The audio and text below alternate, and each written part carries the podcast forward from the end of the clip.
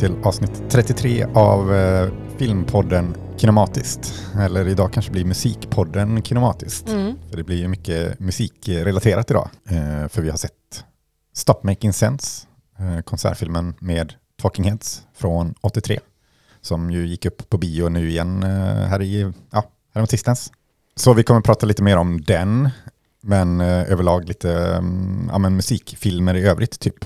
Och konsertfilmer i övrigt. Eller Ja. vad, vad är en konsertfilm egentligen? Det är en liten Mm. sån där. Hur, hur ser ni på, eller alltså, alla konserter som är filmade är väl inte en konsertfilm? Eller? Det kän, det, för jag tycker det är intressant där, för det känns ju som att det, man kan ha... Det är svårt att känna att så här, ja men det, det här är bara det exemplet som kommer snabbast till mig, för jag såg det mycket som tonåring, men Green Days Bullet in a Bible, Ja. en konsertfilm, de spelade in en konsert, släppte det som en film, Mm. men det, då släpptes det mer som så här, här är för er musikfans, köp den, det var inte som att det gick upp på bio, eller Mm. kanske den gjorde någonstans, men det, det är ju en konsertfilm, men det känns, den känns inte så cinematisk på något sätt liksom. Nej, alltså jag hade en hel del Metallica-konserter Mm, på mm. DVD och VHS till och med när det begav sig. Eh, men men jag, jag ser ju liksom inte, jag ser inte det som en konsertfilm ändå, men jag vet inte varför, det är ju det. Ja, Ah, jo men ah, exakt, det är det egentligen. jag tänker att det, det, det är ju det. Men, men för det jag tänker, alltså om man tänker Stop Making Sense och eh, kanske andra som vi kommer komma in på, eh, ja men det känns som det här är inte bara en, en filmad konsert, utan det, är nog, det finns någon mer tanke bakom det och det är liksom eh, också kanske en stor re- regissör kopplad till det, eh, alltså filmregissör liksom. Mm. Ehm, som gör att det, det blir något mer, men jag vet inte. Alltså rent tekniskt så är väl, okej inte bootlegs är ju inte, ehm, när de har filmat från liksom Rock am Ring, är ju inte en Mm. konsertfilm kanske. Men, Då är det men, bara en inspelad konsert. Ja, jag tänker det. Ehm, så, men men eh, ja, om, om bandet är medvetna att det här ska släppas på DVD, då är det väl en konsertfilm. Liksom. Ja, Mm. Det bara känns svårt att se dem, när det inte är ämnat för biosalongen så blir det liksom en annan känsla, eller det känns som Stop Making Sense är det och var det liksom, Mm. så här, den här Mm. ska man se på bio och då känns det på något sätt annorlunda än att så här, nej men den här ska du köpa på Bengans i en DVD-bin, Ja. liksom, på något sätt. Mm. Eh, men, eh, ja, Men har du några andra, du såg Green Day när du var liten mycket. japp. Hade du några andra du kollade på? Alltså inte så många, alltså det blir ju mycket att man kollar upp band man gillade på YouTube och det fanns ett annat band som jag gillade väldigt mycket när jag var tonåring som heter Thrice och de släppte ett så live at the House of Blues DVD. Den har jag sett mycket, men också Mm. lyssnat på den live-albumet mycket också liksom. Eh, så det är väl den andra jag kom på nu. Sen så tyckte jag det var fascinerande att typ se liksom klipp och som, eller jo men eh, The White Stripes under the Great Northern Lights, de släppte, det, det är också lite mer musikdokumentär, att det går in på det, Mm. för då är det att de följer bandet på turné, men Mm. också visar uppträdanden. Så det är väl också någonstans där, vad är konsertfilm, vad är musikdokumentär, liksom hur mycket ska det bara vara pure music mot att de faktiskt pratar med bandet eller intervjuer och sånt där liksom. Mm. För det, ehm, jag såg ju den som ofta anses som den bästa konsertfilmen genom alla tider, eh, The Last Waltz, om eh, The Bands eh, av, eh, sista spelning, eh, som är regisserad av en eh, kokainstinn eh, Scorsese. Eh, alla var höga på kokain under den spelningen tydligen. Men den, är ju, den liksom varvar ju eh, scener från, alltså eh, låtar då från konserten eh, med intervjuer som han gjorde efter konserten. Liksom. Ehm, den är också lite intressant för den, den har ju inte med alla låtar som var med i spelningen. Eh, det har ju inte Stop Making Sense heller. Men det kommer vi in på sen. Men, eh, men han, han lägger om ordningen på liksom, eh, konserten. Så, så här, sista låten lägger han först. Mhm. Så Scorsese har någon slags, eh, vill väl ha någon slags dramaturgi, Ja. alltså filmisk dramaturgi i det också. Och, och liksom Mm. eh, Intressant. klipper upp ordningen på, eller kronologin på själva konserten. Ehm, så det, det tyckte jag var intressant. Annars, Det känns som man bryter mot någon slags regel när man gör så. ja, ja, ja, man får ju inte riktigt den här alltså, konsertupplevelsen kanske. Det blir ju Mm. mer en film om the band liksom. Ja. Ehm, men eh, ja, lite överskattad kanske, eh, skulle jag säga ändå. Mm. Hot take, men, men det känns som, eh, eh, är man vit man över 55 så är det, ju- då, då finns det inget bättre tänker jag. Ehm, men jag är ju inte det, det än. Så. Om 15 år bara, fy fan vad Fan bra, bra det är. Nej men det är, det är ju liksom, ja men The Band då, som ju var, det blev kända som kompan åt eh, Dylan liksom. Och Dylan är med eh, och eh, Neil Young, Van Morrison, det är alla de här gubbarna liksom. Mm. Eh, Joni Mitchell också faktiskt, så de fick in en kvinna i alla fall. Ja. Men jag tänker typ, eh, genren konsert, det är inte så många den tävlar emot. Alltså jag tänker man kan liksom, om man ska Mm. göra en lista över de bästa konsertfilmerna så kommer alla typ göra samma lista. Ja. Liksom, eller ta upp samma För det exempel. finns inte så många att välja mellan Nej. som skulle kunna kandidera. Yes. Men såg du något sånt när du var yngre eller något band du gillade? Konsertfilm? Ja, Nej, alltså nej. Det är ju en jag, jag ganska... kan inte komma ihåg att jag gjorde det överhuvudtaget. Ja, det är ju lite nischat ändå och bryr Mm. sig så mycket att man ska söka upp en konsertfilm liksom. Ja, nej. Jag tror inte det slog mig att jag kunde göra det heller. Liksom. Mm. Men eh, en som kom i år som ändå vi har sett är ju, eh, som vi ska se live nu då på, eh, till veckan, är ju Black Country New Road. Mm. Det får ju ändå ses som en konsertfilm. Ja, Ja, ja just det. Deras eh, senaste livealbum. att Bush Hole. Eh, exakt. För där har de ju också så här, eh, de har ju tänkt på scenografi och byter om liksom, eh, och även liksom vissa filmiska scener i, i den typ. Mm, utifrån olika teman. Ja, Väldigt kul. ehm, så, så det är ju verkligen en konsertfilm skulle jag säga. Ja, jo men det får man ju se. Men släppt på ett lite mer modernt sätt så här, på, Ja, YouTube, på i YouTube, samband liksom. med ett livealbum liksom. Ehm, men det är intressant att det görs fortfarande. Mm. Jo För- men eh, det görs alltså om vi talar på den största artisten nuvarande just nu, Taylor Swift, är ju ute med i, i alla fall, jag vet inte ifall det är i Sverige, men i, nu i helgen i USA så har hennes eh, The Eras Tour släppts på bio som upplevelse och eh, det är ju så jävla hetst kring att se dem. Mm. Eh, och hon har ju sålt eh, typ 100 miljoner dollar på förhandsköpta biljetter för att se det här. Och hon, eh, jag läste också lite om det att hon har i någon, inte nyskapande, men hon bröt också lite regler som Scorsese, att hon gjorde en deal direkt med alltså biodistributionen. Hon gick inte genom ett produktionsbolag, så att de har ju liksom gjort en deal, hon och biobolagen, med att släppa den, så att den ska ju typ visas varje helg jättelänge framåt Oj, liksom. jaha. Så att det här kommer att bli en stor jävla sak och det är ju inte första gången en popartist nu på senare år har gjort en konsertfilm de släpper. Så jag menar, Jonas Brothers, Justin Bieber, eh, Taylor Swift förut. Så det, det är en del av liksom marknadsföringsgrejen för Mm. de här stora arena-turnéerna där alla inte kan gå så gör de ju sådana oftast med lite one night special event-grejer men nu är det väl Taylor Swift som är så populär att hon kan ha en liksom längre eh, biograf-release typ liksom. Ja, men det är väl också att ehm, alltså, man säljer inte skivor längre på det Nej. sättet. Utan man säljer ju liksom live-upplevelser. Och som du säger, alla kan ju kanske inte, har inte möjlighet att gå. Så Nej. då visar man den och ja, Japp, och ja, det är säljer man ju skivor på det sättet. Liksom. Eller Ja, det är ja, där man får in pengar. det blir det och det är ju typ oftast då snarare konserterna som de tjänar stor kosing på Mm. liksom och streaming är väl några som tjänar mycket på men inte många liksom. Nej, Eh, Så nej, det det är fascinerande och ja, att de börjar inse att nej men gud det här funkar ju, eller det, det kommer säkert bli mer av det tror jag. Ehm, men ehm, jag tänkte så här, apropå bootlegs, eller att det inte är konsertfilmer. Men jag såg ju en konsertfilm som är, eh, den ehm, tagline var en authorized bootleg. Och det är ju Beastie Boys eh, konsertfilm Awesome I fucking shot that. Som eh, går ut på att de delade ut 50 handhållna kameror till 50 random i publiken. Eh, med liksom instruktionerna filma hela tiden. Ehm, och sen klipper de ihop då från alla de här 50 olika. Eh, det är en väldigt kul idé. Ehm, jag är inget jättestort Beastie Boys-fan, men ehm, ja, det, så det var lite så här, ja, efter ett tag förstod man grejen, men det är ju, en- idén är ju otrolig. Mm, faktiskt. Ja, väldigt kul idé. Eh, och att de så här, ja men, någon gick på toaletten under konserten men filmade hela tiden ändå, och så klipper de in det i liksom, ja. konsertfilmen. eh, och någon, eh, Ben Stiller är på konserten, så någon så här, typ står och filmar honom hela tiden, han står och sjunger till, så klipper de in det ibland. Och, ja, nej, men väldigt rolig idé. Mm. Eh, just, just för att det är ju ofta sådana klipp man får se också från eh, spelningar, liksom. eller folk som har filmat själv, och de gör en hel grej av det. Mm. Ja, och för när kom den ut? 2005, 6 kanske. Ja, jag tänkte ju lite före innan den hade mobilkameror liksom Mm. med video så att det blev vanligare liksom så att den var Precis. lite före sin tid där. Ja, exakt. att man såg massa flip phone videos liksom så här. Mm. där man kunde ju men de var ju aldrig roliga att titta på efterhand. Nej.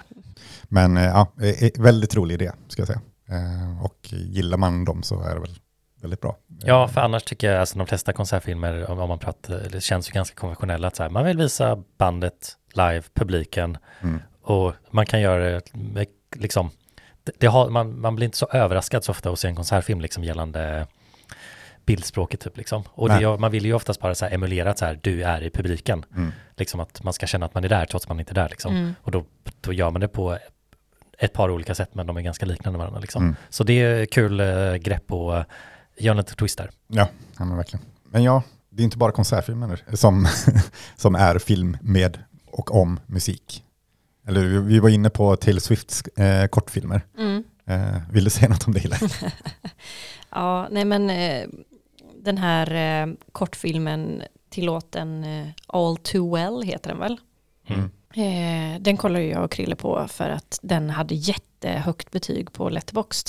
Så, och så behövde vi kolla på någon kortfilm, eller du behövde kolla på någon kortfilm för att få Just det, för att få upp eh, till 300 f- för året tror jag. Ja, att, Ja. Att, att, du hade sett 300 filmer. Ja.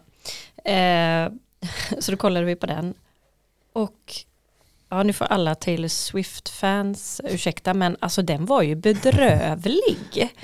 Alltså den var fruktansvärd. Ja. Det var så skämmigt. Alltså det var så här, det var så klyschig. Alltså den handlar väl på något sätt om henne och Jake Gyllenhaal om jag har förstått rätt liksom. Ja, men, ja, man går in på teorierna liksom. Men Mm. det, det är ju typ det. Ja, Jag vill eventuellt också be om ursäkt till Kinematiskt fans, för eh, vi har väl rantat om den här någon gång förut tror jag. har vi det? Jag tror det, men okay. ranta på. Ja, ja, men det har vi nog kanske. Jag kan Ja. tillägga i alla fall som en liten kudde att den eh, All Too, All Too Well-versionen som är 10 minuter lång är en ganska bra låt. Jag har Ja. sett Ja, eh, ja, det, ja, det här är ju ja. inget om låten. Nej, det är ingenting om låten, utan det är att, att, att videon är så otroligt pinsam. Alltså den är jätteklyschig och eh, bara jättemärkligt eh, gjord. Och sen också, så, för det är ju hon, vad tusan heter den skådespelaren som är med i Stranger Things? Sadie Smith va? Ja, Sadie Smith. Ehm, hon spelar ju då, ja men förmodligen Taylor Swift då. Och sen- Förmodligen. Ja. Alltså det är det. Eh, och sen då, så på slutet då, så får man se henne så här gå in bakifrån på en scen och hon ska vara någon, blivit en författare eller någonting då. Och så då så ser man bara henne bakifrån först liksom ginger håret typ och sen när man när den liksom kameran visar framifrån så är det då Taylor Swift själv. Som hände som gammal liksom. Ja, lite äldre. Ja. Och man bara, åh herregud. Det var, det var bara så här skämskudde.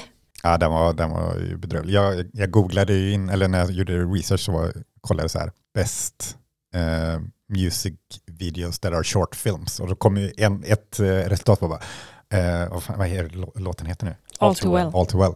Ja, det är den bästa som någonsin har gjorts. Bästa musikvideon som någonsin har gjorts. Jag bara, nej. Nej, nej, nej, nej. Ja. Men är det då att man är ett så stort Taylor Swift-fan att man blir helt blind för Om man köper in i den storyn och sen så har kanske byggt upp en fantasi över vad den handlar om med Jake Gyllenhaal, att det liksom, Mm. då kan man få det visualiserat i kanske en genre och med klyschor som man kanske sväljer lite enklare och man kanske inte är lika kritisk filmfan Nej. nödvändigtvis att man tänker att åh vad klysch det här var, utan det Mm. blir mer så här wow, alla mina fantasier har gått ihop till någonting Ja, här liksom. För ja, men- har Taylor Swift typ regisserat den själv eller något sånt där om jag, Jag minns tror rätt? det. Ja. Ja, nej men det, ja, jo men jag vet inte, men man blir ju säkert lite blind för Ja. annat. Alltså jag, jag tänker att annars så kan ju nästan vem som helst se att det här ser ut som en parodi på någonting. för att det är så, nej. Men eh, på tal om det, det finns ju andra som har gjort musikvideos som är kortfilmer. Vi Mm. kan, vi, för, innan, det finns två jag vill nämna, men jag kan nämna den som är närmast Taylor Swift, vilket är ju Kirsten Stewart har ju gjort eh, för Boy Genius. Men jag har skrivit upp det här också. ja, ja, men The Film, eh, Boy Ja. Jag Genius. då skrev ju på haft- Genius frågetecken bara, för Ja. visst gjorde väl de någonting? Ja. Ja, The ja Film. men eh, inför att de skulle släppa sin eh, skiva The Record som kom ut i år så eh, hade de Kirsten Stewart, alltså skådisen, göra tre musikvideos de släppte som ett som då alla går ihop i varandra. Mm. Så det Ja. finns ju liksom, ja, det blir ju en eh, mytologiserande om bandet och låttexterna och eh, det är Mm. ganska snyggt gjort faktiskt. Som och, en eh, slags triptyk. Ja, och Mm. väldigt, eh, blir ju också en sån fan, folk bara oh my god, Kirsten Stewart, alltså att liksom bara alla de personerna går ihop och gör någonting, det blir ju verkligen så här någon queer love story liksom. Ja, Mm.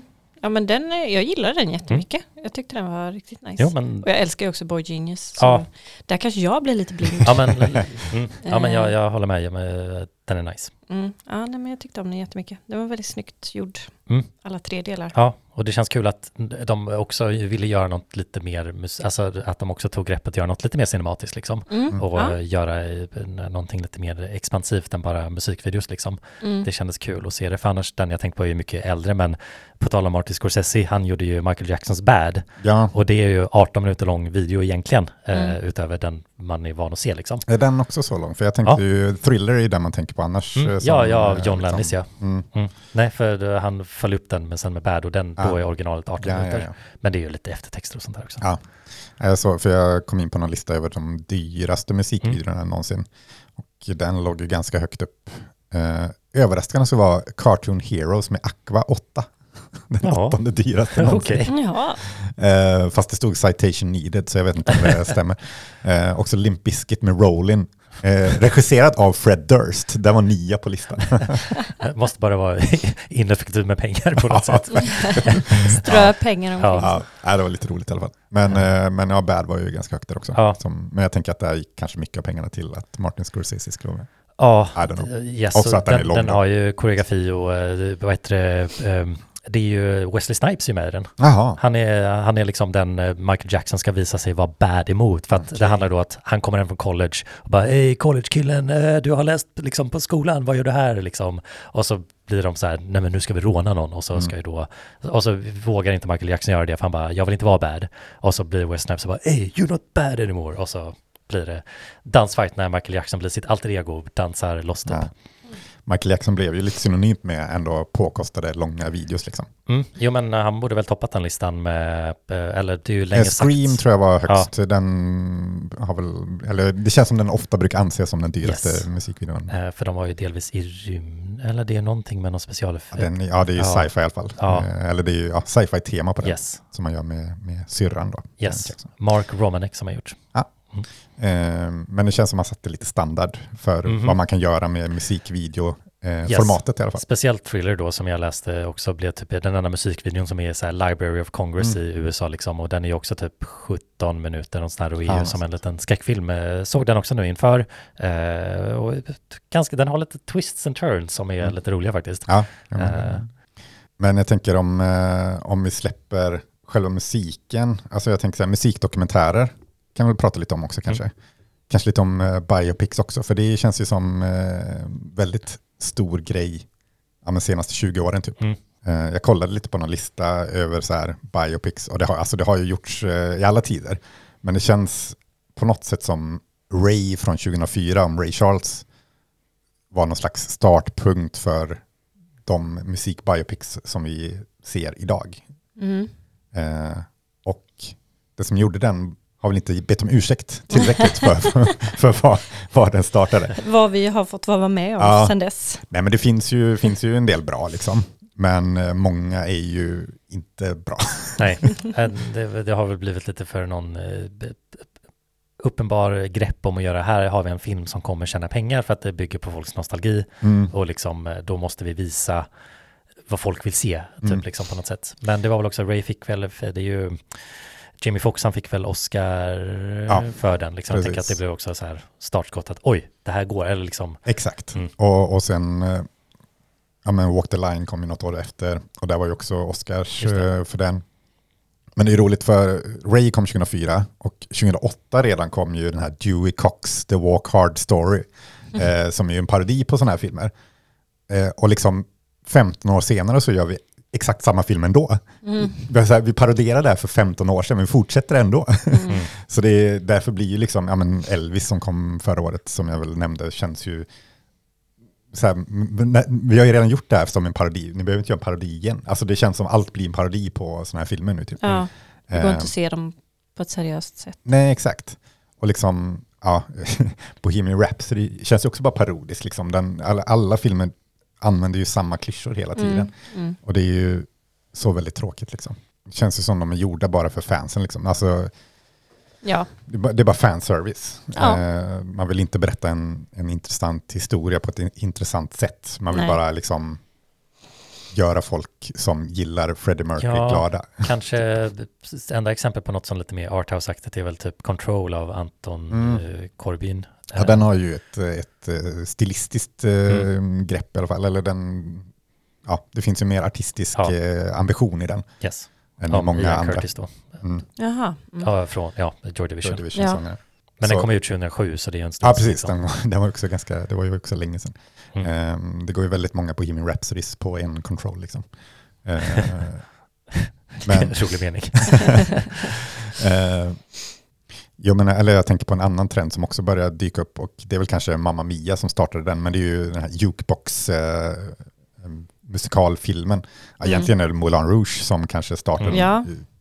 Men, men just, just att göra kring ett och samma eh, band eller artists Mm.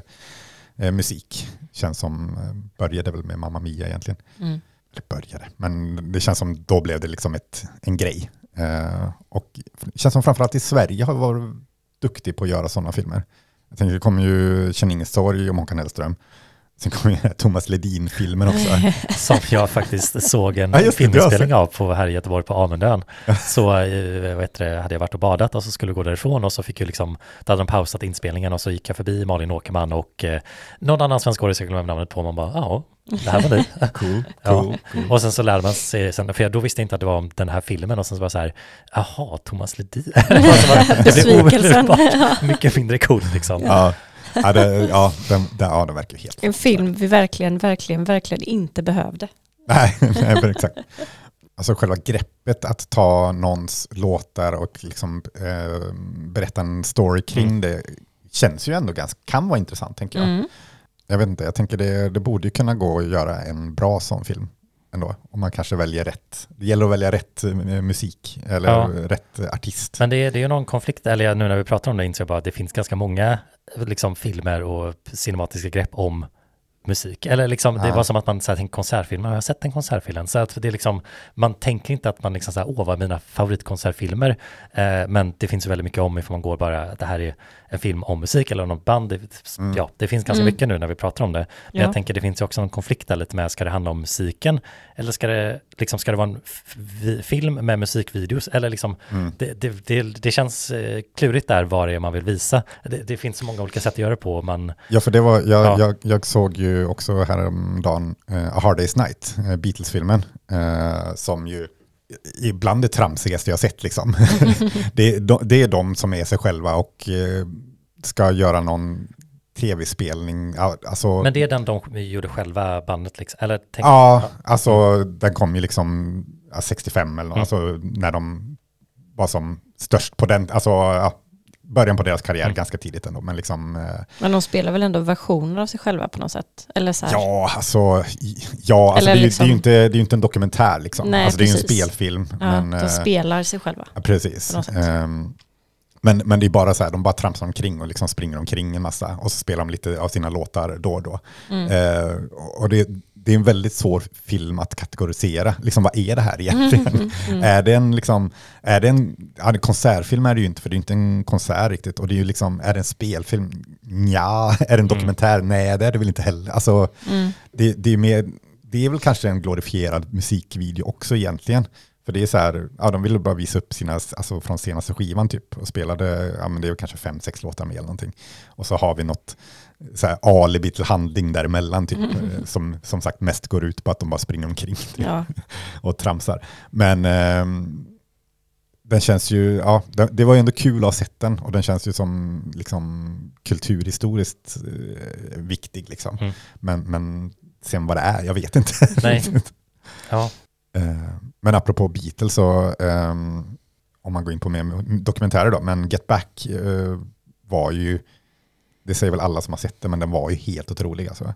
Eh, och den, Peter Jacksons. eh, Peter Jacksons eh, epos får man väl Mm, säga. Det var ju fyr, fyrdelad dokumentär i typ, vad var det, åtta timmar eller något. Något totalt. Ja, jag såg den aldrig, men jag hörde mycket om den när den kom. Ja, nej, men eh, den var alltså, för det är ju inga, inga intervjuer i den, utan det är bara liksom filmer från inspelningen av eh, albumet liksom. Just det, och han restaurerar väl väldigt mycket som de aldrig, bandet aldrig hade sett förut. Ja, liksom. ja men exakt.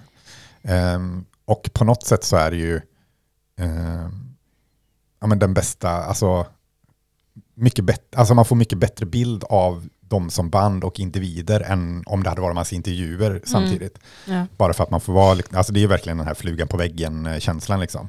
Man får vara där inne och man får, liksom, man får ta del av all tension som fanns mellan dem under den tiden. Eh, George Harrison slutade bandet typ tre gånger under den inspelningen eller någonting. Ehm, och ja, nej men den, den är verkligen helt otrolig, både som, ehm, ja, men både som dokumentär men också som alltså, bild av Beatles och hur de var, både Mm. liksom musikaliskt men också som personer. Så eh, har man tid så kolla på den verkligen, för den, den, den var verkligen helt otrolig. När det gäller musikdokumentär så tänker jag i alla fall på en som jag har sett, eller som jag såg för länge sedan, som jag ändå tyckte väldigt, väldigt mycket om. Och det är eh, Heima av Sigur. Mm. Den kommer jag ihåg att jag såg, alltså, eller jag minns inte när jag såg den första gången. Jag minns inte om det var, jag får för mig att jag såg den på folkhögskolan jag gick på. Men sen har jag också för mig att jag har sett den på bio, på typ Bio Roy. Mhm. Så jag kanske har sett den två gånger. Kanske jag, någon specialvisning. Ja, kommer inte riktigt ihåg. Men ja, nej, jag vet inte. Jag blev bara helt liksom, hypnotiserad av den, kommer jag ihåg. För man får ju följa dem, eh, det är sommaren 2006 när de åker runt på Island och har olika spelningar på olika platser. Eh, Gratisspelningar för folk på Island. Eh, och så, det varvar liksom mellan de här olika spelningarna och så får man se miljöerna och olika möten. De, typ, de möter någon man som eh, spelar musik på stenar, alltså så här, som så här skifferstenar, eh, Mm. marimba eller vad man ska kalla ja, det. Mm, ja, men jag jag har sett ett sånt instrument. Ja, eh, och det, det är bara något så här, för jag kommer inte ihåg liksom exakt, exakt allt i den dokumentären, men just det har liksom fastnat i mitt huvud på något sätt, för jag blev så fascinerad av det, att han gick runt där och letade bland skifferstenarna för att hitta de perfekta stenarna att göra ljud med. Eh, och det var någonting, ja, jag vet inte, det var något med tonen i hela den dokumentären också som jag verkligen eh, tyckte om och som kändes väldigt, ja, eh, Det låter väldigt sigurosigt. Ja, det, det är det verkligen. Jag skulle vilja se den igen, för det var så länge sedan jag såg den nu. Den kom ju 2007 då. Mm. Men den är bara ja, den är helt fantastisk, den dokumentären. Tips till alla. Har du någon musik, musikdokumentär som du eh, så här, Alltså, känner varmt inför? Jag kan nämna en som jag gillade som kom ut och fick ju Oscar för bästa dokumentär här om året, vilket är ju Questloves Summer of Soul. Just det. Den handlar ju då om en musikfestival i Harlem eh, vars, som inspelades in och skulle visas på tv men sen aldrig gjordes det. Och sen så var det någon liksom eh, högre uppsatt på CBS eller någonting som filmade som bara nej, det, vi sänder inte det här så kan jag inte släppa det.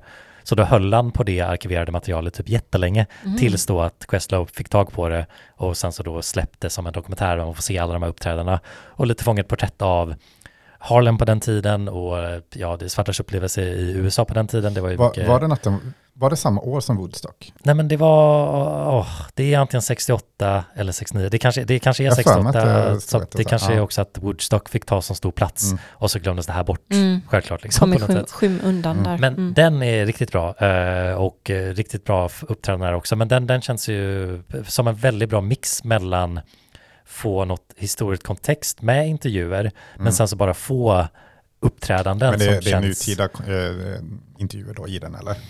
Alltså, Ja, jag som- tror det är de mer har en berättarröst, Ah, okej. inte så mycket intervjuer med artisterna alls, Ah, okej. nej det är det inte, eh, inte vad jag minns, men, utan mer bara liksom kontextet kring Mm. historierna. Men det är väldigt mycket bara att här får du se konserten Mm. eh, och, de, och att man verkligen känner av att så här, nej, men, wow, att få se det här liksom, och det känns som ett privilegium typ liksom, eh, och väl gjort och bara att den visar mycket av publiken, att den, den går in liksom varför det här var viktigt typ liksom.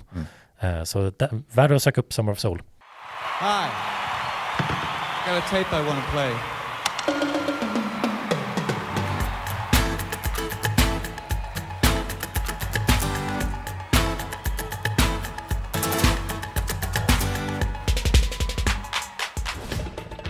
Då eh, går vi in på veckans hudfilm som ju ja, brukar väl vara uppe där med The Last Waltz som eh, tidernas bästa konsertfilm.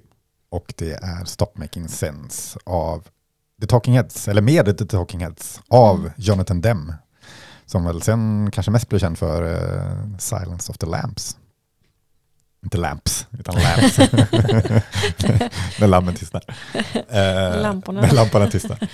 Ehm, och eh, ja, den kom 84 som sagt, men har fått en, en uh, återutgivning nu på bio, eller A24 som sagt eh, gick in och producerade en restaurering och eh, distribuerade den på bio igen. Mm.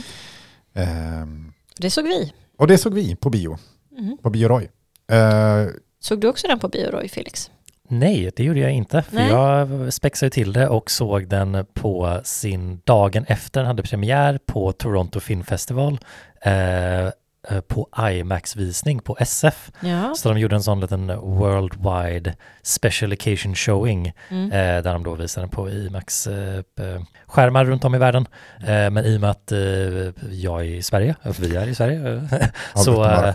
Eh, Tidsskillnaden gjorde att de inte kunde visa den samma kväll liksom för att det Mm. skulle bli typ klockan 12 eller något sånt där. Mm. Eh, så att eh, de visade den dagen efter för de hade också en liten Q&A efter med bandet som Spike Lee hostade. Eh, så man fick se så här, man fick se en inspelad livesändning för att det var ju då någonting de gjorde live till alla de här biosalongerna. Mm. Eh, men vi fick se en inspelad variant. Eh, det. så det var lite spexigt och Ja. eh, andra filmen jag sett i IMAX någonsin. Det är ju då Ja. bara en större, mer fyrkantig skärm med maffigt ljud typ. Mm. Så inte fel sätt att se en konsertfilm faktiskt. Kan jag tänka mig. Jag tänker, ap- apropå det, Mm. men eh, just att vi såg den på bio, eh, innan vi går in på själva filmen, alltså hur, hur känner ni att se det här på bio? Eller hur, hur, var upplevelsen känner ni? Ja, men Eh. jag, jag tänkte lite på det när jag satt där för att eh, man, jag, jag går ju mycket på konserter och Mm. man, det kändes konstigt att sitta ner Mm. Mm. och liksom man ville typ stå upp Mm. Ja. och man bara det, liksom, det blev någon, man, man tänkte på att man satt stilla och bekvämt. Mm. För man kände att nej men det här är inte rätt liksom, eller vad gör jag nu liksom, typ, Ja. på något sätt. Ja, jag tycker det är kul att du säger det, för jag kände också att det var en lite konstig diff där. När man så här helt plötsligt bara, "Äh, ska jag klappa händerna? Eller va, ska jag göra det när de inte är där Mm. egentligen? För att vissa, i början där kändes det som att vissa gjorde det lite. Ja, Men sen ja. så ju längre det gick, desto mer klappade folk i händerna för att de bara, men jo men det är väl okej att klappa i händerna. Det är ändå en konsert. Ja, precis. Så det, ja, det 40 blev, år gammal konsert. ja, det blev lite märkligt. eh, Ja, en märklig diff där Mm. på något sätt. Men vad jag märkte som folk gjorde i, på min visning, det var ju många, eller jag kände som att jag drog ner medelåldern lite Mm. på den visningen, för det här var ju liksom, se den första chansen, här är ju lite hardcore fans kan man tänka sig, det var inte fullsatt, men det var ändå ganska mycket folk där. Mm. Men de pratade mellan låtarna, Mhm. liksom att de lät sig och började, och det blev ju som en konsert liksom på det Ja. sättet, för att de brydde sig inte, det är ju ingen handling, och jag var först lite så här, vad håller de på med? Och sen så bara, nej, det kanske funkar här liksom. Ja, men det tyckte jag de gjorde lite i våran också. Ja, jag tänkte inte så mycket på det. Nej, men jag vet att de som satt bredvid mig pratade en del. Ah, okay. Men det, det gjorde lite, för det känns verkligen som att nej, men det här är en annan typ av bioupplevelse lite liksom. Mm. Mm. Så ja, hur känner du? Nej men jag, tänk, jag tänkte väl, eller jag tänkte så här, varför visar de inte den här på typ Pustervik, eller alltså en konsertlokal? Alltså, och man får stå liksom Och på dansa. konsertgolvet. Ja men det, Ja. jag vet inte, det hade känts rimligare på något sätt Ja. att eh, visa den på sådana ställen än på en biograf. Mm. Så, så det, det känns ju lite konstigt. Och så här, får man sjunga med ens liksom, Mm. i låtarna? Men ja, nej, det, det, det blir ju det blir märkligt. Men jag Eh. såg mycket på sociala medier om att eh, visningar i USA som känns ju, de är ju mycket mer fria i sitt biotittande Ja, där, att de exakt. upp och dansar framför liksom skärmen och sånt där liksom. Mm. Vilket känns som att jag tror jag skulle mest tycka det var cringe ifall det hände i Ja. Sverige. Ja, liksom. vara Men märkligt. eh, samtidigt förstår man ju den impulsen liksom. Ja. Man hade ju lite den känslan. Liksom, så här, man ja jag märkte ju att, att det var ju vissa som satt som smådansade Mm. lite i... Jo men lite med foten satt jag än så liksom. Fast det är Ja. ändå så konstigt när man sitter på sådana IMAX-salong. De har ju alltid sådana här, eller i Sverige i alla fall, de de här eh, voluminösa fåtöljerna. Mm. Som man kan liksom så här luta sig fram och tillbaka i med knappar och grejer. Och liksom man, man, det blir liksom ännu mer fel att sitta väldigt bekvämt. Ja. Mm. Jag ville snarare liksom sitta rakt upp och vara lite mer i kontroll av min kropp än att bara så här helt utspridd på något sätt. Ja, men eh, bara, jag vill bara en sidospår, men nämna en ännu konstigare bioupplevelse var ju när jag såg eh, Kanye Wests eh, listening party till Life of Pablo på Bioroy. Aha, För han visade li- live från Madison Square, eh, Square Garden då, när han, han spelade upp Mm. sin skiva bara. Alltså han, inte, han sjöng den inte, utan han bara tryckte på play och spelade upp den. Eh, det var ju väldigt märkligt, eh, för det var också så här musik man inte hade hört innan, för då, alltså, skivan hade precis kommit. Men, eh, och, ja, det, var, det, var, ja, det var märkligt. Men, då, men det är också så här, ja, nej, jag hade hellre sett det på en, i en konsertlokal än en biograf på något sätt. Mm. Men ja, men Stop Making Sense i alla fall. Eh, spelades in 83 var det väl? Eh, nej 84. nej, december 83 spelades in. Ah, ja, men den eh, Eh, kom ah. ut. Ja, den kom 84. ut 84, Mm. men eh, Mm. konserten var, eller det var fyra konserter eh, 83 i eh, Los Angeles, eller i Hollywood. Mm. Och ja, det är väl det som är handlingen. Ja, jo, nej. Nej, men det vi var inne på det med, med, med konsertfilmer, att det är ju inga, det är inga intervjuer eller någonting, utan det är bara eh, en nedkortad version då av eh, konserten, för det är några låtar som har klippts bort och sådär.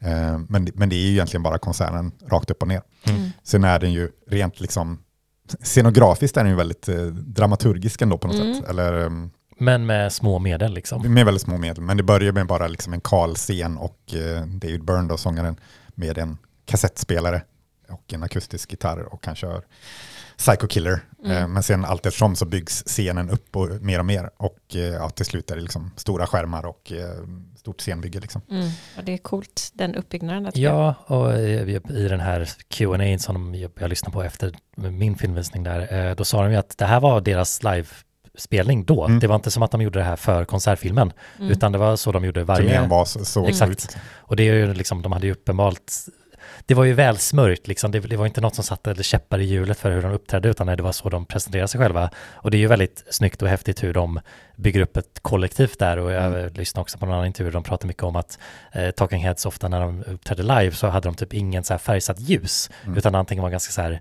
rätt upp och ner, här ser ni alla i bandet liksom. Mm. Här är det ju en del med ljuset de släcker ner, men det är en så Mm. väldigt eh, simplistisk liksom. Eh, och de här, det är inte som att det är massa scenografi bakom, utan det är verkligen bara plattformar de rullar ut och bygger upp bandet en för en och det blir en väldigt snygg introduktion till både deras sound men också då medlemmarna i bandet. Att det är så här, Mm. först har du bara David Byrne med en inspelad liksom, kassettspelare eh, och du gör en annan variant av en av deras mest kända låtar, vilket är häftigt också. Mm. Och sen så kommer basisten Tina Weymouth ut liksom och så blir det lite fylligare och så byggs det på därifrån. Så att där får vi lite den här dramaturgin med de här väldigt små medlen liksom Precis. bara som en Mm.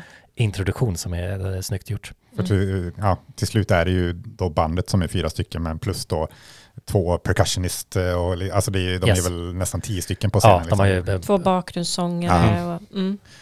Men jag tyckte också, eller jag blev så imponerad och bara, hur i helvete har de spelat in det här tänkte jag. För att det var liksom, det är så från så många vinklar och det är så snyggt. Men sen så läste jag ju att de har spelat in det under flera dagar då. Alltså Ja. att de har klippt ihop det från flera av deras eh, konserter. Mm. Så att en konsert så kanske de hade en kamera ifrån en vinkel och sen nästa dag så hade de från den andra vinkeln. Så det makes more sense liksom att de har klippt ihop det så. No intended. sense. Ja. Ja, precis. Eh, men fortfarande otroligt imponerande att det är sånt flyt i det då, liksom, eller att det går ihop så bra, att man Den- inte ens mm. tänker på att det är från olika dagar. välklippt så sett liksom. Mm. Men det, det tar ju en stund innan man ens ser att det är en kamera, för det tog mig en stund innan jag bara, vänta hur, liksom så här, nu är väl närmare vad i kamera, och sen så ser man lite senare i filmen kan man se liksom, här har de sån dolly track framför Mm. scenen och man förstår att det är de här ganska stora handhållna kamerorna liksom, det är inte så här gömd teknik liksom, utan de fanns verkligen där på scen och var en del av upplevelsen och koreografin nästan liksom, men Mm. de gömmer de sömmarna otroligt väl. Ja. Eh, Men det är en, en sak som jag störde mig lite på, på tal om att det är fyra olika uppträdelser, är att jag kunde, man kan inte så se att det är liksom soundet, ibland är det inte alltid ljudet synkat med, Mm. Ja, nej men det tänkte jag Ja, också på. att man Mm. ser att nej, okej det här är från en inspelning, för en sak som också var fascinerande är att det här är visst en av de första konserterna som blev inspelat digitalt. Mm. Mm. Så det är därav också att ljudet kunnat nu bevaras så mycket bra senare. Mm. Att det finns digitala filer som de har kunnat remastera och det kan man ju säkert göra ganska mycket med Mm. dagens teknik med gamla filer liksom.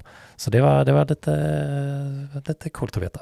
Mm, det tänkte jag också på att det var så här, okej nu hans munrörelse där stämmer inte riktigt med det som Mm. sjungs typ. Mm. Eh, Men eh, Men som sagt, det är ju, det är ju det är väl snarare regel än undantag att man spelar in under flera liksom, Ja. dagar. eh, Ja, när det ja. görs konsertfilmer. Liksom. mm, Ehm, det, är, det är bara en, en, en teknisk eh, nödvändighet att de spelade in under flera kvällar. Liksom. Men sen så blir, eller just vad som känns som så stor styrka med den här, på tal, eller vi har ju varit lite inne på så här, ska man vara i publikens perspektiv eller liksom eh, känner man sig närvarande till konserten är väl att här både, man känner sig inte nödvändigtvis en del av publiken för att man märker att de här kameravinklarna är väldigt närgående och lite speciella och unika. Mm.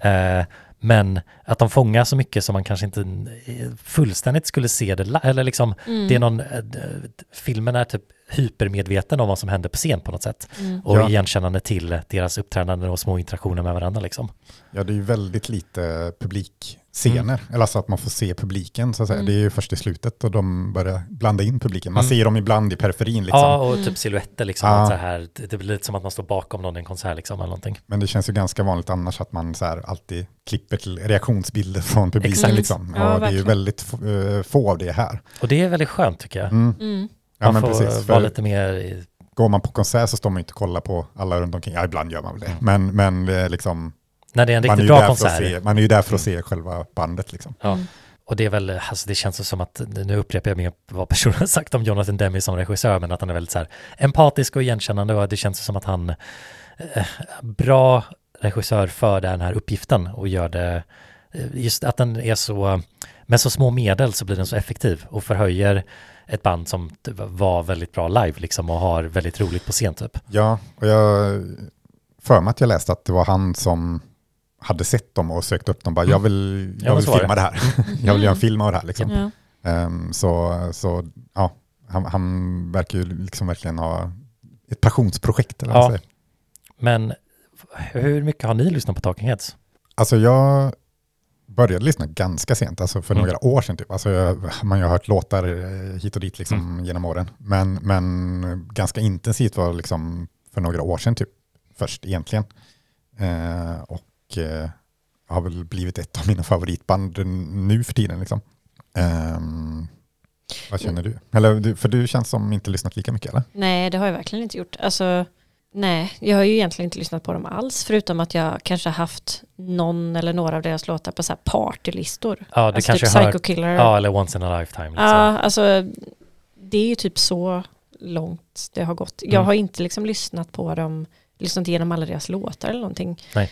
Ehm, eller det är ju massa låtar som jag inte hade hört innan. Men nu har jag ju hört lite mer sen, alltså när, sen jag träffade Krille. Ja. Vi har lyssnat på det lite hemma någon gång och sådär på vinyl. Mm. Men ja, nej, annars har jag ju inte gjort det. Men det är klart jag känner ju igen de mest kända låtarna har jag Mm. gjort och lyssnat på lite då och då. För det känner jag, eh, förlåt du ska komma till din, din koppling, men, men jag började lyssna på dem, det var när jag skulle, eller i, jag gör en sån letterbox challenge eh, där man ser en film efter ett tema varje vecka. Ehm, och då skulle jag se Stop Making Sense, eller det var så här, ja, konsertfilm för några år sedan som var på listan då. Och då valde jag den för det var liksom, det är en film man har hört talas om liksom och eh, ja, den borde man väl se någon gång. Men då hade jag inte lyssnat så mycket på dem, men då började jag lyssna på dem inför jag skulle se Stop Making Sense första gången. Ehm, så ja, som, lite som du kanske gjorde nu eventuellt? Eller? Ja men det var, för jag, lite mer inlyssnad än dig, men inte mycket. Jag har liksom mm, med ja. Talking Heads sen innan liksom. Jag hade Mm. hört liksom singlarna och gillar verkligen Once in a Lifetime och Psycho Killer bra och kommit över några andra bara oj det här är bra och typ även lyssnat en del på David Byrne i hans kollaborations-CD med St. Vincent, eh, Stop, This, Stop This Giant Eh, Mm. och liksom så att jag är familiär med hans röst typ liksom en hel del och vem han är som person inom musikhistorien typ liksom. Men inte satt mig in i bandet men det har Mm. varit kul att bara fått det här som introduktionen. Mm. Och det förstod jag också att det var så många upptäckte bandet förr också. Och det är ju en otroligt bra introduktion till Alltså, dem. ja, Ja, Alltså få den setlisten eh, med, de hade väl kanske släppt fyra, fem skivor. eh, ja, det kan ha varit fem, fjärde, fem, fjärde eller Mm. femte som, uh, Speaking in Tongues var väl den Ja. som hade kommit precis innan. Här. Ja. mm. Men sen så också få se dem i kanske sitt prime som liveband just också med Mm. de här eh, alltså, ytterligare medlemmarna i bandet som spelar live med dem. De har ju otroliga bra musiker vid sidan om dem också, Mm. som de även sa själva att så här, ja, men de fick oss att spela bättre. Mm. För nu, och de vill ju också göra om låtarna så att de fick intressanta delar att spela. Mm. Så att du får ju inte originalen, du får liksom en mer ja, förhöjd variant Ja, av dem ja, och lite mm. omgjord. Mm. Men i det här fallet är det väldigt bra. Det är ju inte alltid man föredrar live-varianten, men det händer ju självklart. Ja. Men här är det väldigt många som är så här, nej, alltså inte att jag tycker de tävlar mot varandra och att jag kanske alltid har någon direkt favorit nu när man lite lyssnat A, B. Mm. Men det är som att så här, den här är riktigt bra och den här är riktigt bra. De Ja, liksom, Komplementerar varandra. ja, för de, de, de, verkligen, det, det, det är häftigt. Ja, för min, eller min, min nya favoritlåt, eller som när, jag såg, när vi såg den på bio nu, är ju Slippery People. Och den tycker jag är så mycket bättre i Stop Making Sense Mm. live-versionen än vad den är på eh, skivan egentligen. Mm. Eller även fast den är bra på skiva också, Ja. men den blir verkligen förhöjd på, Ja. eh, under spelningen. Eh, Men vill också, det, det känns ju som att den här är ju också ikonisk delvis på grund av David Burns koreografi, eller vad man kan kalla det, koreografi, Ja. hans Ja. närvaro. För att delvis, alltså jag visste ju om den här, hans The Big Suit. Ja, Mm, det, mm. det, Den är ju kanske det mest ikoniska liksom, visuella. Känns den som här. många har sett det utan att veta vad det är ifrån egentligen. Ja, men man, man känner ändå igen Typ det. gifs av det. Ja, Verkligen, för jag hade ju sett den länge innan jag visste ens vilka Talking Heads var Mm, typ mm. liksom. Mm. Eh, men det var ju för att man är lite så här kroniskt på nätet typ lite, det tror jag också. Mm. Det är nog inte allas upplevelse.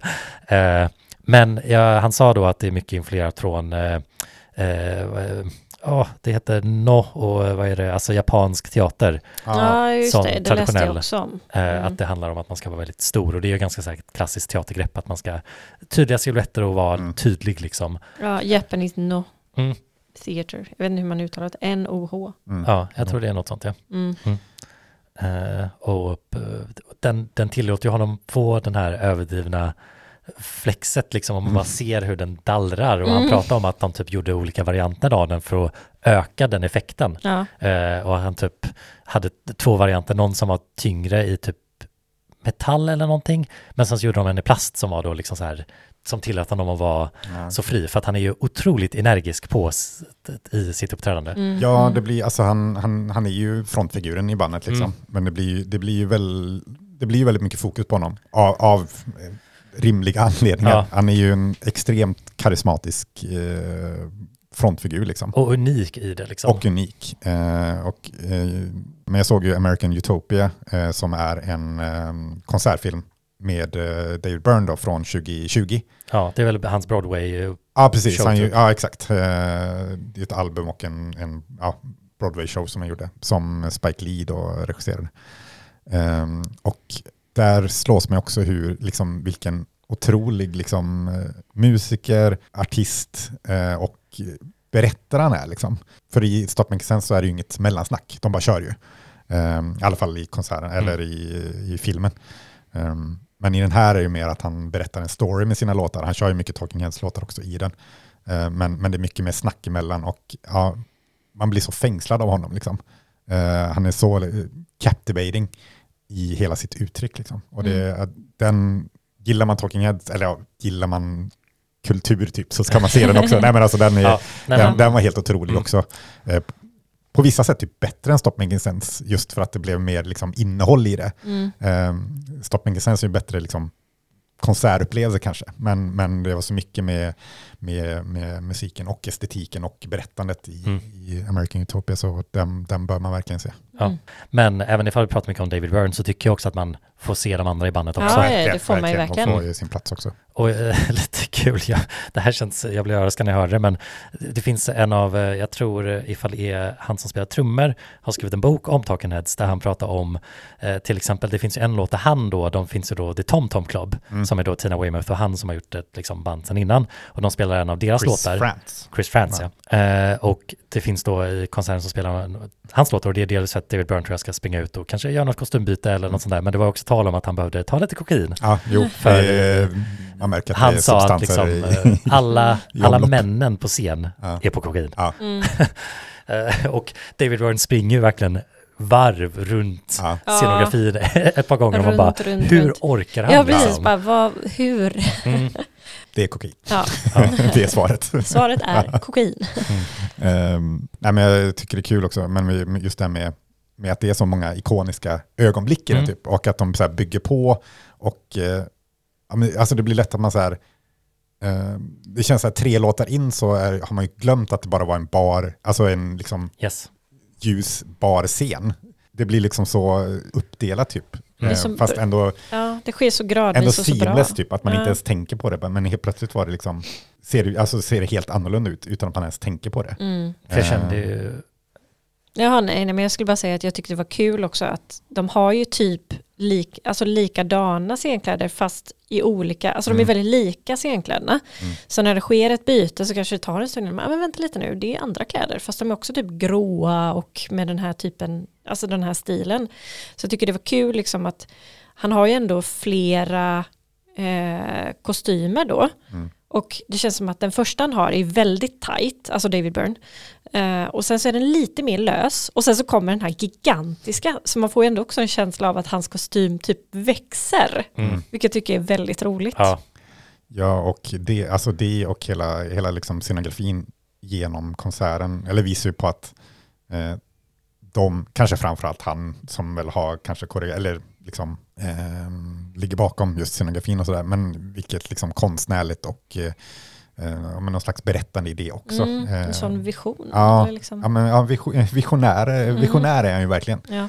Eh, och Och- det blir väldigt tydligt i, i filmen. Jag tänker också att eh, även de som rullar fram scenerna syns. Alltså liksom de Mm. tackar ju också på slutet sina crew members liksom. Att det, det, de försöker inte göra någonting alltför Nej. perfekt utan det handlar om kollektivet liksom. Ja, precis. Och det är inte så att de, ja, men de, det är inte så att de klipper och sen är det en ny scen. Liksom. Man får ju verkligen se allting och ändå, Mm. ändå blir det så seamless och ja, eh, otroligt väl Mm. på något sätt. Men och jag, som jag tänkte på förut också, just att jag tyckte att den är ju typ 88 minuter, alltså nästan Ja, en, ganska en, halvtimme, men den, det, flyger förbi ja, liksom. verkligen. Jag var så här bara, va? Är den redan slut? Ja, och då är det alltså typ så här, majoriteten av låtarna har jag aldrig hört förut. Mm. Det, det, men än så funkar det som en introduktion att man liksom är med där och det Mm. brukar ju också så här vara ett tecken tycker jag när man ser en ny artist live eller något sånt där, man så här, oj, det var att man verkligen faktiskt gillat det liksom och varit engagerad. Mm. Eh, vilket är häftigt att se även med ändå en, ja, snart 40 år gammal inspelning, eller Mm. 40 år gammal inspelning liksom. Mm. Eh, ja, Men det är väl om man, om man ska prata lite om, om själva musiken som sådan. Alltså den, Mm. Talking Heads känns ju väldigt liksom tidlösa på något sätt. Eller de känns ju lika moderna nu som de var på 80-talet på något sätt. Alltså de känns inte så, det känns inte så liksom typiskt 80-tal. i. Det, alltså deras sound eller, eller musik liksom. Mm. De, är så, de är så unika på något sätt. Så det, det, det känns liksom fortfarande modernt Ja. Ja, för det är sånt de blandar ju liksom eh, någon form av, det känns som att ha en punketos kring art rock, Mm. eh, men också sen så mycket funk och eh, kanske en, jag vet inte, jazzinfluenser i struktur. Alltså att det, det, de var ju liksom sådana typ college music school kids Mm. liksom, så att de var ganska lite mer liksom intellektuella kanske till sin musikskapande liksom och eh, väldigt medvetna om vad de gjorde. Men inte på ett sätt som känns att de försöker vara coola. De är, de är ju ganska nördiga och det finns några moment i konsertfilmen som jag tycker är, som jag tycker är ganska lite cringe nästan. Att det blir några töntiga moment typ när David Byrne förvränger sin röst och låter som han sjunger så här picka picka. liksom det finns några så här swamp tror jag den låten heter. Ja. Som att man typ, och den här Tom Tom Club-låten när är han trummar så bara tja! Ja, liksom, det blir också lite töntigt liksom Mm. att de känns som små nördar på något sätt liksom, men på ett så här lovable sätt för min Ja. del i alla fall Ja. så har jag Mm. några moment där jag tycker så här, "Öh, den här låten är lite, inte smörig, men det är någonting som får mig att tycka det är lite lame. Mm, mm. Men, men jag gillar det liksom. ja. Det, om, om ni har varit nyfikna på bandet så är det en väldigt bra introduktion. Mm. Och det, det är ju kul att kunna få den upplevelsen, för det har jag ibland med, eh, liksom, att man ser någon, en artist live och då bara klickar det. Mm. Och det Mm. känns som att det har varit lite så här, att det känns som att jag äntligen lite förstår och kommit in i bandet liksom. Mm. Det, är lätt, det är lättare att övervinnas av det här än att typ kolla The Last Waltz och bli övervunnen av The Band om man inte gillar sån musik. Ja, för det, ja, det här, det, det är så, de är så egna på något sätt och eh, som sagt, även om man inte alls har hört dem överhuvudtaget så ger dem en chans. Ja. Och den bästa chansen man kan ge dem är via den här filmen. Ja, Mm. För mycket handlar det Verkligen. som sagt, de har typ kul på scen tillsammans Mm. liksom. Mm. Och det, Ja. det är alltid någonting man smittas av liksom när man ser någonting som bara är typ nöje. Ja, även om man inte älskar musiken så är det Mm. ändå en fest för ögat också. Exakt, Mm. exakt. Kan man sätta betyg på den här? Nej, jag vet inte. Har du, satte du Ja, betyg? jag satte betyg Ja. faktiskt. Jag brukar inte sätta betyg på konsertfilmer. Eh, eller, ja, jag vet inte, jag tycker det är svårt på något sätt. Mm, jo men det är det, Mm. för man, man har inte så mycket att jämföra med liksom Nej. på det sättet. Men, men ehm, i, i sin genre så är det, det är en femma. alltså för Ja. mig är det en femma. Mm. Ja, jag satte typ fyra och en halva, men det var så jag tänkte efter så här, men det är nog en femma. Vad har jag att klaga alltså, Vad skulle kunna vara bättre liksom? Ja, men liksom så här, jag har otroligt få saker att klaga på. Det känns ännu mer liksom uppenbart efter nu jag har fått diskutera Mm. igenom den en hel del. Liksom, det är inte, nej, liksom, utöver att jag kanske inte gillar alla låtar lika mycket som varandra så är det liksom Mm. ingenting jag har att klaga på. Nej. Nej, så är det ju alltid när man går på en konsert också. Alltså även om det är ens favoritband så är det alltid några så här, ah, okej, det här, jag hade kunnat skippa Mm. den här låten. Typ. Mm. Vill du försöka dig på något betyg eller avslår du? Nej, jag vet inte. Jag tror jag struntar i det. Ja. Men jag, nej, alltså det, jag tycker ju, alltså det är verkligen en upplevelse och det känns som att även om man inte lyssnar så mycket på dem så kan man uppskatta den rent så här, ja men att den är rolig och att den är konstnärlig och konstig Mm. och, och bara liksom en stund att gå in i någonting sånt. Eh, Ja. Ja. Jag ska säga, första gången jag såg den såg jag den hemma med några vänner också och det kan också varmt rekommenderas. Samla Mm. upp några vänner som är musikintresserade och bara Ja, kolla tillsammans. ja det kan jag tänka mig en, en kul Drick upplevelse. några bärs. Mm. Ja, men få en, få en konsert hem i soffan.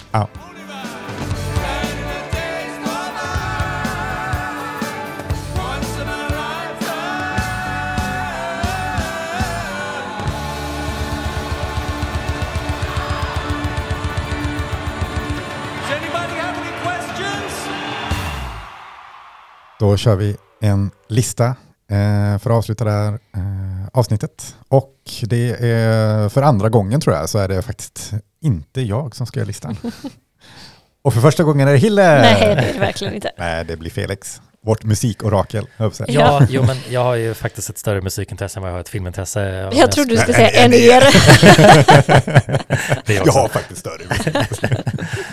Eh, så har förberett en lista med de mina, in, det blir faktiskt en topp 6, inte topp 5. Jag bryter Krilles Ja, eh, topp oj, oj, 5-regel. oj, oj, Vi får se Eh, klippningen.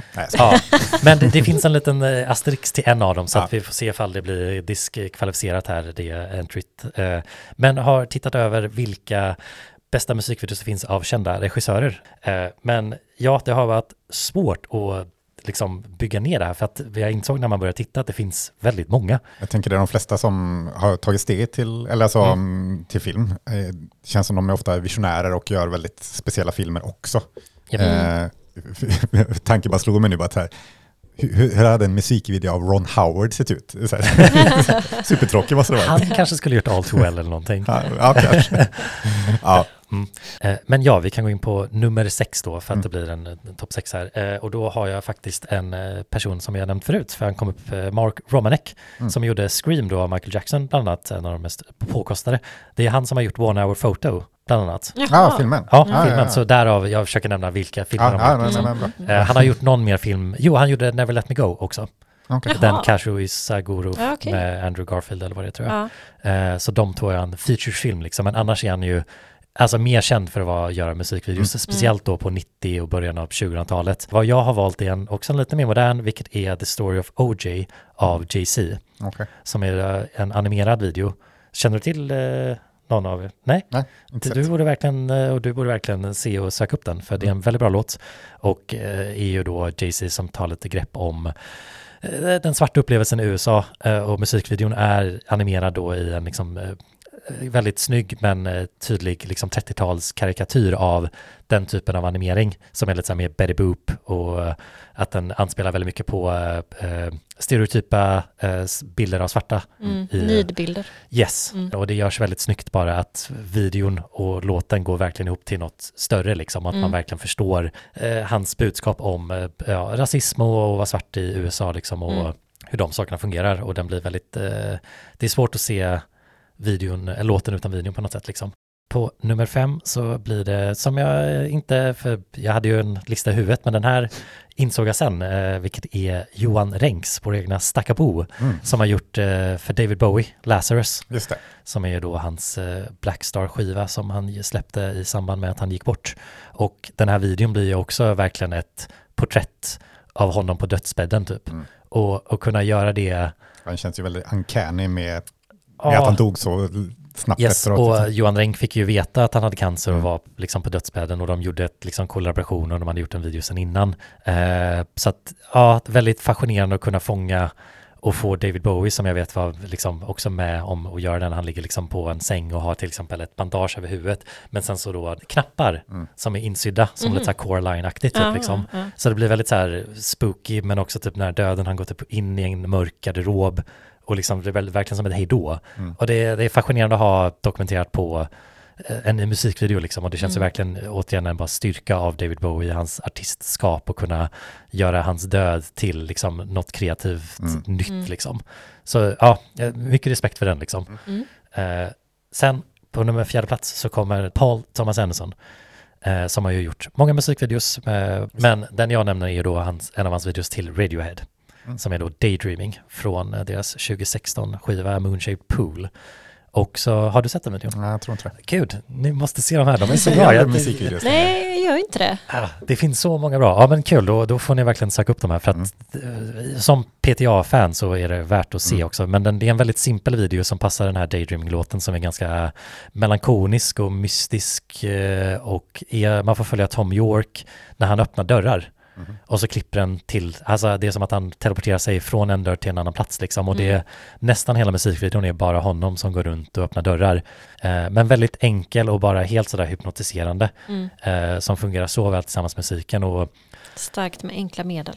Yes, och min nummer tre, det är den här som har varit lite så här, den, den fick bli, det var den som störde topp fem formatet för att det är regissören är Hiro Murai och han har inte gjort en film så att säga. Okej. Han har gjort väldigt mycket tv. Ah, okej. Till exempel är han executive producer för eh, The Bear.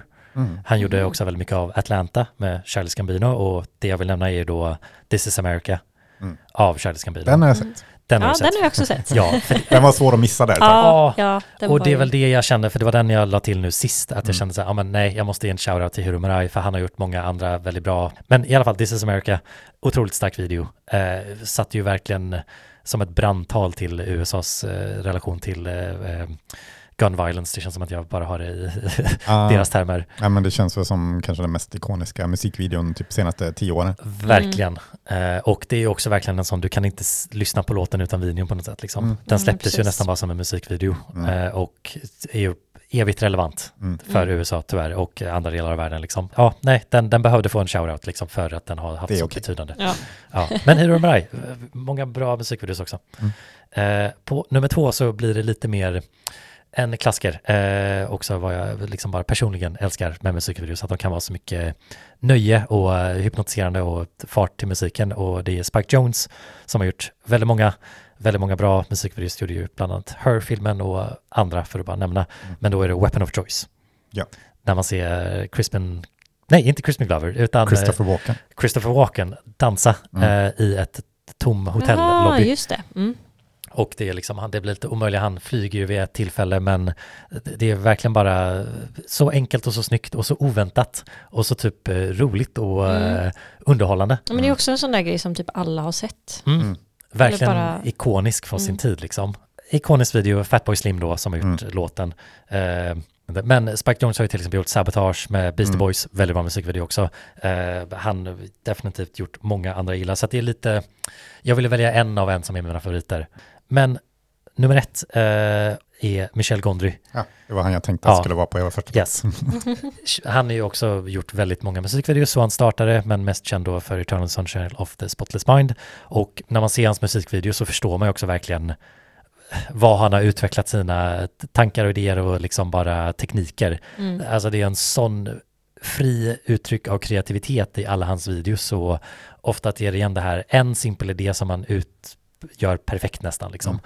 Gjort många för Björk och andra men den jag valde lite oväntat är faktiskt till Kylie Minogue Mhm. med Come Into My World som är från ja, 2004 eller något sånt där. Men här är helt enkelt, bara för att förklara konceptet lite, hon, på en gata i Paris så går hon ett varv, man, kameran liksom följer henne runt den här gatan, men sen så plötsligt när hon har gått ett varv, då fortsätter hennes tidigare, Ja, som precis varvet. Det här låter bekant. Så att det är liksom plötsligt två Kylie Minogues som Ja. går runt i det här varvet och så Just det. dubbleras allting Ja, just det. med Ja, varje varv. Mm. Och nu det är fortfarande så snyggt gjort de här digitala effekterna.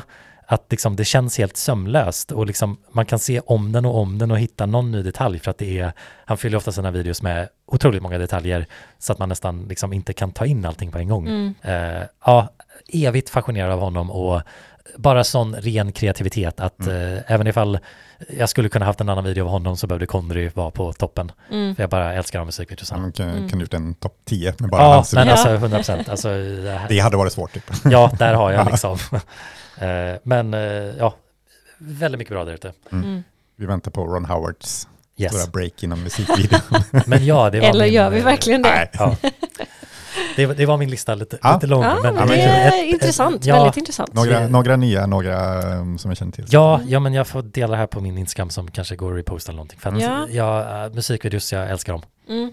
Ja men det gör mig faktiskt lite mer taggad på att, att söka upp musikvideos. Mm. Alltså det känns som att oftast när jag tittar på musikvideos så är det för att jag verkligen nöter något band just då och blir så här besatt av det bandet och att jag typ måste kolla upp alla deras musikvideos. Senast, ja, Boy Genius då. Mm. Eller Phoebe Bridges också för den Mm. delen. Eh, men annars så känns det som att jag, nu för tiden så söker jag inte upp musikvideos lika mycket som jag gjorde under typ mina tonår. Ja, men det är inte, det är inte samma fokus på den längre och det fick ju verkligen en dipp där efter streaming började komma liksom. Men det känns som att musiken börjat klättra och alltså det, YouTube har ju otroligt många views och grejer och det är ju viktigare och folk lägger mer tid till det. Men inte på samma sätt och inte de här kanske mer låg mellanbudget utan det blir de riktigt stora eller de mindre som gör något väldigt bara hemmagjort typ liksom. Mm. Men det finns fortfarande Smoko med The Chats. Ja, den den är ju fantastisk. ikonisk liksom. Ja, och det är det som är så kul också med musikvideos, att det kan, något simpelt grepp, någon idé, Mm. eller bara till en låt och de gör det perfekt så det blir underbart. Ja, musikvideos for life. Absolut. Absolut. Ja, det är väl... eh, Jag, jag slutar nog podden och startar en ny Jag blir så Ja. taggad nu. Ja, Ja, nej men eh, en bra note att sluta på. Ja. Eh, Nästa avsnitt blir ju ganska speciellt, får man Jaha, säga. det får man verkligen säga. Eh, Det blir en, eh, blir en livepodd, Mm. in a way. Tänka sig. Eh, Vi kommer spela in under Kulturnatta här i Göteborg den 27 eh, oktober. Mm. Ehm, och man kommer kunna se vår inspelning live då på Stadsbiblioteket i Göteborg. Mm. Klockan fem. Så Mm. eh, vill ni komma och kolla, så kom och kolla då. Ehm, man kommer inte, vi kommer inte sitta framför en publik, men eh, Nej. det kommer liksom spelas in från studion där vi sitter och spelar in på Yes. Stadsbiblioteket. Eh, och då kommer vi prata skräckfilm, gammal skräckfilm och framförallt eh, Frankenstein från 1931 Yes. eh, som också kommer visas här sen på Stadsbiblioteket senare under kvällen. Mm. ja så får er halloween, klassisk halloween eh, mood on. Precis. Så ni får jättegärna komma och kolla eh, den 27 oktober eh, klockan Ja. fem på Stadsbiblioteket i Göteborg om ni har möjlighet. Ehm, annars ehm, har vi inte så mycket mer att säga Nej. idag. Nej. Tack och hej. Ja, Tack och hej. tack. Hej då.